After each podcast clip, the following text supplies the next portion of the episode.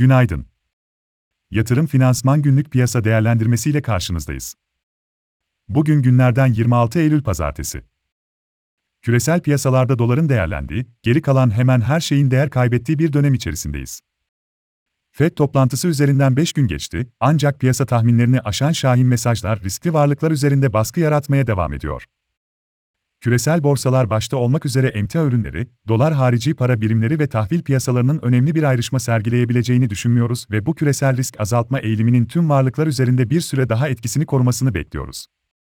Biz de bu sabah zayıf bir açılış bekliyoruz. Bununla beraber, Borsa İstanbul'da zaten çok düşük çarpanlarla ve cazip potansiyel getiri oranları ile işlem gören Türk şirketleri üzerinde baskının sınırlı kalmasını ve geri çekilmelerin biriktirme fırsatı sunacağını düşünüyoruz. Yurt dışında dengelenme görmemizle beraber, BIST'te belirgin bir pozitif ayrışma ile yeni zirve değerlerin test edileceğini düşünüyoruz. BIST 100 endeksinde 3255, 3220 ve 3150 destekleri ile 3320, 3390 ve 3450 dirençleri izlenebilir. Türkiye 5 CDS primleri haftaya 782 baz puanda başlıyor.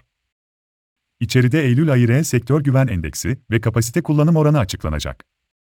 Ek olarak, kabinenin toplanması bekleniyor. Dışarıda, Almanya IFO İş Dünyası Endeksleri ile Amerika Birleşik Devletleri'nde Chicago Ulusal Aktivite Endeksi ve Dallas Fed İmalat Endeksi takip edilecek. OECD Ekonomik Görünüm Raporu, Avrupa Merkez Bankası Başkanı Lagarde'nin Avrupa Parlamentosu sunumu ve Amerika Birleşik Devletleri 2 yıl vadeli tahvil ihalesi de günün ağındasında öne çıkıyor. Son olarak, İtalya'da seçimi kazanan sağ blokun ve ülkenin ilk kadın başbakanı olacak olan Giorgia Meloni'nin enerji krizi, artan borçlanma maliyetleri ve AB ile ilişkiler konularında vereceği mesajlar izlenecektir.